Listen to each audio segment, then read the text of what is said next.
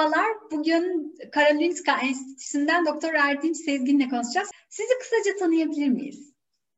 Ee, tabii ki. Üniversiteden başlayayım ben. Üniversiteyi Yeditepe Üniversitesi'nde genetik ve biyomühendislik bölümünde okudum.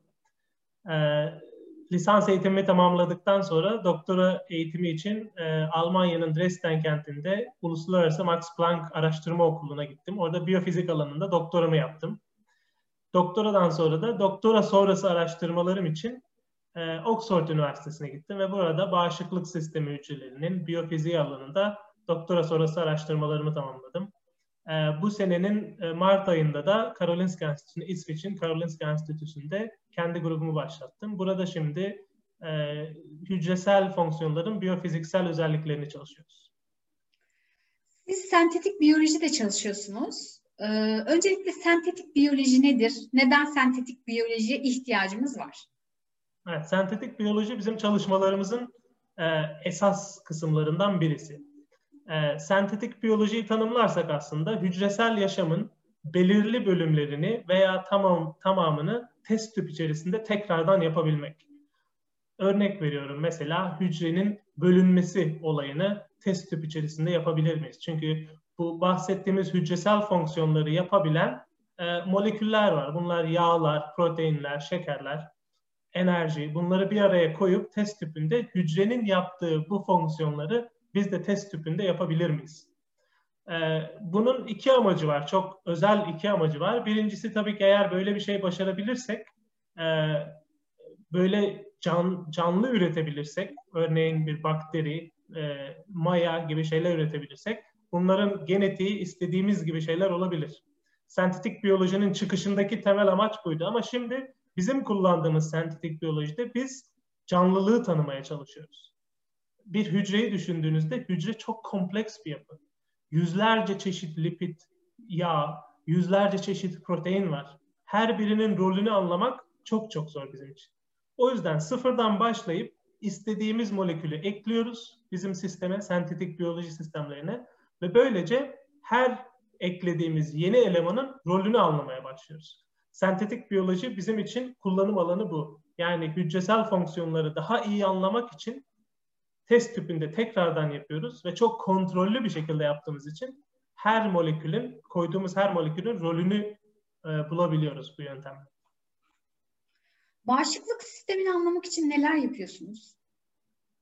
Evet, e, tabii sentetik biyoloji çok farklı alanlarda kullanılıyor. Bizim kullandığımız alan bağışıklık sistemi. Ee, bağışıklık sistemini önce bilmek lazım. Bağışıklık sistemi bizim defans sistemimiz. Yani bağışıklık sistemimiz sadece bizi e, dış tehditlerden, bakterilerden, virüslerden değil, aynı zamanda e, içten gelen tehditlerden, mesela mesela tümör hücrelerinden de koruyor.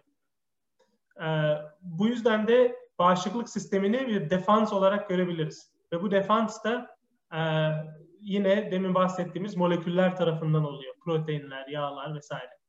Biz burada da bağışıklık sisteminin nasıl çalıştığını anlamak için sentetik biyolojiyi kullanıyoruz. Şimdi e, bağışıklık sistemini anlamak için sentetik biyolojiyi nasıl kullanıyorsunuz? Biraz oraya açalım mı? Ben o kısmı çok Tabii ki. Çünkü. Evet. Ee, örnek veriyorum mesela e, bizim çalıştığımız hücre tiplerinden birisi T hücreleri. T hücreleri e, genel olarak tümörde bilinir. Tümör hücrelerini öldürücü hücreler olarak bilinir. E, T hücrelerinin fonksiyonu çok önemlidir çünkü artık her şey diğer bağışıklık sistemi hücrelerinin hepsi sınıfta kalırsa T hücresi artık bizim son defansımız. Yani T hücresinin fonksiyonunu anlamak ve T hücresinin fonksiyonunu geliştirebilmek çok çok önemli bizim için. Biz de bunu anlamaya çalışıyoruz. Mesela T hücresi nasıl oluyor da tümör hücresini tümör hücresi olarak tanıyabiliyor? Çünkü tümör hücresi bizim hücrelerimizden var olan, bizim hücrelerimizden oluşan bir hücre tipi. Ama bunun tümör olduğunu anlıyor, bizden olmadığını anlıyor. Sonra bunu anladıktan sonra buna ilgili, bununla ilgili işlem yapmak istiyor. Mesela öldürmek istiyor, o yüzden bir kontak kuruyor ve sonra öldürüyor. Ve biz bu işlemlerin her birinin nasıl olduğunu, hangi moleküller olduğunu e, ve bu moleküllerin özelliklerinin neler olduğunu anlamaya çalışıyoruz. T hücresi burada biraz gümrükten geçmek için hani gümrük memuru gibi bir görevi mi var yani hani sen geç sen geçme diye bir görev dağılımı var sanırım T hücresinde. Evet, evet. Buna e, bağışıklıkta kendi veya kendi olmayan deniyor. Kendinden olanı e, geçiriyor, bir şey yapmıyor kendinden olana. Kendinden olmayanı ise e, işlem yapmaya başlıyor. Öldürücü T hücresi ise öldürmek istiyor mesela. Tam bir gümrük e, işlemi gibi aslında evet. Biyofizik öncelikle nedir ve neden ihtiyacımız var bu kadar zorlu bir alana? Biyofizik e, hem biyolojiyi içeriyor hem fiziği içeriyor. Fiziği içerdiği için doğal olarak kimyayı da içeriyor. Böylece e, yani biyofizik çalışmak için hem biyolojiyi hem fiziği hem kimya iyi bilmeniz gerekiyor. O yüzden biraz yani öğrenci için biraz daha zor olabilir aslında ama çalışma çalışmaya başladığınızda çok eğlenceli bir alan. Neden?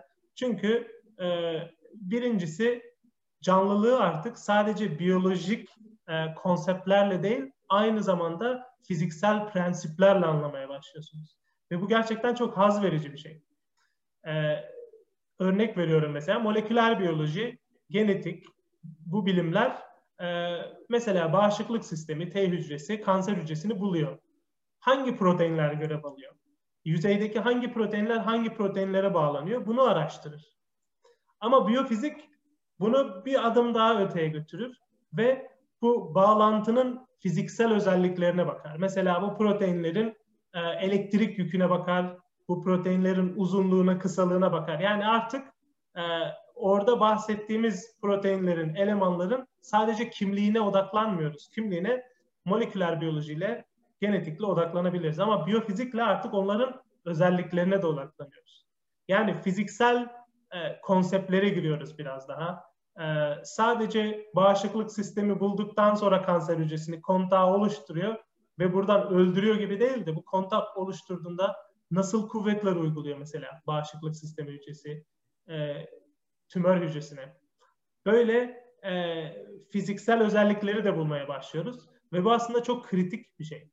Çünkü e, sadece kimliklerini bularak moleküllerin görev alan moleküllerin kimliklerini bularak e, tabii ki birçok şey yapabiliriz, ilaç geliştirebiliriz vesaire. Ama biyofiziksel özelliklerini kullanarak e, bu moleküllerin o ilaçları biraz daha aktif hale getirebiliriz, daha verimli hale getirebiliriz ve daha önce bulamadığımız, daha önce yapamadığımız, başaramadığımız hedefler bulabiliriz ilaçlar için. O yüzden aslında biyofizik çok çok önemli. Orada siz baskıyı nasıl ölçüyorsunuz? Yani bir hücrenin başka bir hücreye baskısını dediniz. Hani onu nasıl ölçüyorsunuz? Ya bunun birçok yolu var. Tabii ki mikroskoplar aracılığıyla yapıyoruz. Mikroskoplar ya da spektroskopi dediğimiz yöntemlerle yapıyoruz. Ee, ya da yine biyofiziksel e, hesaplamalarımız var. Mesela oluşturulan basınçla hücrenin eğilmesi arasında doğru bir orantı var. Bu eğilmeyi bakıyoruz. Yani bükülmeye bakıyoruz. Hücrenin bükülmesine bakıp hücrenin e, bağışıklık sistemi hücresinin kanser hücresine oluşturduğu basıncı, yük, e, gücü bulmaya çalışıyoruz. Ve bu aslında e, giderek önemli bir hale geldi. Mekanobiyoloji denilen bir alanı başlattı bu artık. E, sadece moleküllerin kimliklerinin dışında moleküllerin birbirine olan etkileşimi, birbirlerine olan kuvvetleri, birbirine uyguladığı kuvvetler de artık çok önemli bir hale gelmeye başladı. Yani bağışıklık sistemi hücreleri mesela kanser hücrelerini öldürürken bu basınç dediğimiz e, kuvvetler de çok önemli. Hatta bu kuvvetleri değiştirerek bağışıklık sisteminin kanserli hücreyi daha iyi öldürmesini ya daha öldürememesini de sağlayabilirsiniz. Bu da şimdi mekanobiyoloji denilen bilim türünün alanı. Ee, bağışıklık sistemi hücresi özellikle T hücreleri üzerinde neler yapıyor ve siz neler yaptınız, neler buldunuz? şimdi çok güzel bir soru bu. Aslında tam olarak da demin bahsettiğimiz yerle birleştirelim. Biz e, biyofizik çalışıyoruz bağışıklık sistemi biyofiziği çalışıyoruz. Özel çalıştığımız hücrelerden biri T hücreleri. T hücresinin kanserli hücreyi nasıl bulduğunu, nasıl tanıdığını, kontağı nasıl kurduğunu ve bu kontak aracılığıyla nasıl kanserli hücreyi öldürdüğüne bakıyoruz. Tabii ki biz bir kanser laboratuvarı değiliz. Ama bizim için sistem kanser. Çalışmak istediğimiz hücre tipi de bağışıklık sistemi hücresi. Şimdi neler bulduk mesela? Son bulduğumuz, e, biyofiziksel bulduğumuz e, prensibi anlatayım size. T hücreleri normal haldeyken e, aktif olmazlar. T hücreleri normal haldeyken pasif halde olurlar. Yani vücutta herhangi bir e, virüs, bakteri veya herhangi bir e, tehdit yoksa bağışıklık sistemi hücreleri normal halde dururlar. Bu çok önemli. Aksi halde otoimmün dediğimiz e, hastalıklar olur. Yani bağışıklık sistemi sürekli aktif olursa, kendi hücrelerimize, self dediğimiz kendi hücrelerimize karşı aktif olursa otoimmün dediğimiz hastalıklar oluyor. Ama sağlıklı bir bireyde normal bağışıklık sistemi hücresi, T hücresi durgun haldedir. Bu durgun halde olmasını sağlayan iki protein var. Bu proteinlerden biri aslında trafik lambalarına benzetirsek eğer biri e, dur sinyalidir yani kırmızı ışıktır. Diğeri de aktifleş sinyalidir yani yeşil ışıktır. Ama kırmızı yeşil ışık sürekli yanıp sönüyor ve böylece durgun bir halde duruyor. Ne aktifleşiyor e, ne de kendini başka yerlere götürüyor. Yani durgun halde kanda dolaşıyor T hücresi. Ama bir şekilde hedef hücresini bulduğunda yeşil ışık bu savaşı kazanıyor ve hücre aktifleşip kanser hücresini öldürüyor. Nasıl oluyor bu? Biz bunun mekanizmasını anlamaya çalışıyoruz. Şunu biliyoruz. Bağışıklık sistemi hücresi kanser hücresini tanıyıp bir kontakt oluşturuyor. Yani öldürmek için tanıyor ve ona yapışıyor. Bu yapıştığı alanı biliyoruz. Bu yapıştığı alandaki proteinleri de biliyoruz. Peki nasıl oluyor da bu yeşil ışık bu alan sayesinde aktif hale geliyor ve kırmızı ışığı bir şekilde e, elimine ediyor. Kırmızı ışıklı olan savaşını kazanıyor. Şimdi bizim bulduğumuz mekanizma aslında basit bir mekanizma. Bu kırmızı ışık dediğimiz protein aslında çok uzun bir protein. Hücrenin yüzeyinde olan, T hücresinin yüzeyinde olan çok uzun bir protein. Yeşil ışık ise çok küçük bir protein. Ve eğer kontakt çok çok sıkı bir kontaksa yani bu yapışma alanı çok küçük bir alansa eğer küçük proteinler buraya sığıyorlar. Ama büyük proteinler bu uzun proteinler bu kontağa sığmıyorlar. Şöyle düşünün küçük kısa bir tünel var. Bu kısa tünele küçük çocuklar hemen girip çıkabiliyorlar.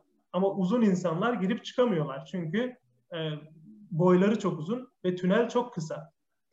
Bu da böyle bir şey. Bulduğumuz bu bağışıklık sistemi hücresiyle kanser hücresi arasındaki kontak çok kısa bir kontak. Yeşil ışık dediğimiz hücreyi aktifleştiren protein buraya giriyor ve kırmızı ışık giremediği için de artık kırmızı ışığın etkisi kayboluyor orada ve bu kontak aracılığıyla bağışıklık sistemi hücresi aktif hale geliyor. Burada işte biyofiziğin güzelliği de burada. Yani eğer fiziksel özelliklerini araştırmazsanız e, bağışıklık sistemi hücrelerinin e, bunu büyük ihtimalle bulam, bulamazdık. Ama şimdi biz sadece kimliklerden yola çıkmıyoruz. Yani yeşil ışık, kırmızı ışık demiyoruz. Bunlara bir de fiziksel özellikler yüklüyoruz. Kırmızı ışık uzun bir protein, yeşil ışık küçük bir protein ve bu boylarından dolayı çok basit bu fiziksel özellikten dolayı yani sıkı bir yere uzun moleküller giremiyor. Bundan dolayı bağışıklık sistemi hücrelerimiz çok özel bir şekilde kanser hücrelerini öldürebiliyorlar. E, bulduğumuz mekanizma bu. Geçen sene bu e, iki makale halinde bunu yayınladık. E, sadece T hücrelerinde değil bu mekanizma. E, ikinci makalemizde de gösterdik ki bu aslında çok korunmuş bir mekanizma ve sadece T hücrelerinde değil e, alerji sağlayan bazofil dediğimiz mast hücrelerinde de aynı mekanizma görev alıyor ve büyük ihtimalle diğer hücre tiplerinde de görev alıyordur. Bizimle beraber çıkan başka bir makalede makrofaj denilen e, başka bir bağışıklık sistemi hücre tipinde de aynı prensip, fiziksel prensipin olduğunu gösterdiler. E, büyük ihtimalle B hücresi dediğimiz e, kötü şeyleri etiketleyen hücrelerde de aynı mekanizma söz konusu. O yüzden bu biyofiziksel mekanizma aslında bağışıklık sisteminin kalbinde yatan bir mekanizma. Bu bilgilerle peki neler yapılabilir? Hani bu dediniz ya işte kırmızı ışık, e, yeşil ışık tam trafik lambalarındaki gibi işte kırmızı ışıkla durup yeşil ışıkla geçiyor e, ve e, yeşil ışık yandığı anda kanser hücresini T hücresi öldürmek için harekete geçiyor anladığım kadarıyla. Evet. E, ve bu bilgiler bizim ne işimize yarayacak? Ee, Bu aslında temel sorulardan biri bu. Biz bunu nasıl kullanabiliriz? Yani birincisi biyofizik zaten size biyo, artık fiziksel prensipler sunuyor. Yani kimlikler dışında prensipleri sunduğu için bu prensipleri istediğiniz gibi kullanabilirsiniz. Genel olarak bir şeyin kimliğini bildiğinizde ona karşı e, bir ilaç ürettiğinizi düşünün. Bu ilacı test tüpünde denersiniz. İşe yarıyor mu, yaramaz mı? Bunu bulursunuz. Biraz işe yarıyordur, biraz işe yaramıyordur. Ama bunu çok zeki bir hale getiremezsiniz. Zeki bir hale getirmeniz için o molekülün biyofiziksel özelliklerini bilmeniz gerekiyor.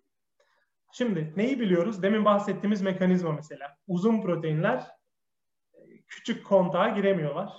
O yüzden kırmızı ışık ayrılıyor, yeşil ışık bu kontakta aktif hale geliyor. Bu demek oluyor ki siz eğer bu kontağa bir şey göndermek istiyorsanız bu kontak bu kontağa girebilecek küçüklükte bir şey olması gerekiyor. İkincisi immünoterapi dediğimiz bağışıklık sisteminin kendisini kullanan e, kanser tedavileri var. Şimdi bu kemoterapiye şu anda henüz tam olarak bir alternatif oluşmuş değil ama kemoterapi ile birlikte kullanılan bir tedavi şu anda. E, ama gelecek tedavi türü aslında immünoterapi. Yani kemoterapi çok invaziv dediğimiz zarar verici bir e, tedavi türü. Çünkü kemoterapiye gidenleri görmüşsünüzdür. E, işte saç dökülmesi çok halsiz olurlar kemoterapiden sonra. Bağışıklık sistemini kullanan immünoterapinin bu kadar kötü yan etkileri yok tabii ki. Buna biraz daha yani organik e, kanser tedavisi diye bakabilirsiniz buna. E, ama bağışıklık sistemi hücrelerini kullanan bu immünoterapi henüz tam olarak bir alternatif değil. Çünkü tam olarak e, bu immünoterapi ajanlarını zeki halde tasarlayamıyoruz henüz. Yani şu anda belirli kanser türlerinde çalışan, işe yarayan e, birkaç immünoterapi ajanı var. Onaylanmış immünoterapi ajanları var. Ama immünoterapi ajanlarını çok çok etkili hale getirmek istiyorsak artık biyofiziği kullanmamız gerekiyor. E, bu fiziksel özellikleri kullanarak mesela e, o immünoterapi ajanlarının örneğin e, hedeflediği proteinin neresini hedefliyor? Küçük uzun yerini mi hedefliyor, kısa yerini mi hedefliyor? Bunları da göz önünde bulundurarak çok daha verimli immünoterapi ajanları yapılabilir. Biz direkt olarak immünoterapi çalışmıyoruz ama e, immünoterapi çalışan laboratuvarlarla işbirliği halindeyiz ve bizim bulduğumuz bilgileri direkt olarak e, kullanıyorlar ve daha iyi immünoterapi ajanları yapmaya çalışıyoruz. Çok teşekkür ediyorum. Çok güzel bilgiler öğrendim. Ee, umuyorum ki e, yeni çalışmalarınızla tekrar görüşürüz. Zaten çok sık çalışma ve makale yayınladığınızı bildiğim için e, ilerleyen dönemlerde tekrar görüşmek üzere. Ben çok teşekkür ederim Esra Hanım. Bu fırsatı bana verdiğiniz için sağ olun.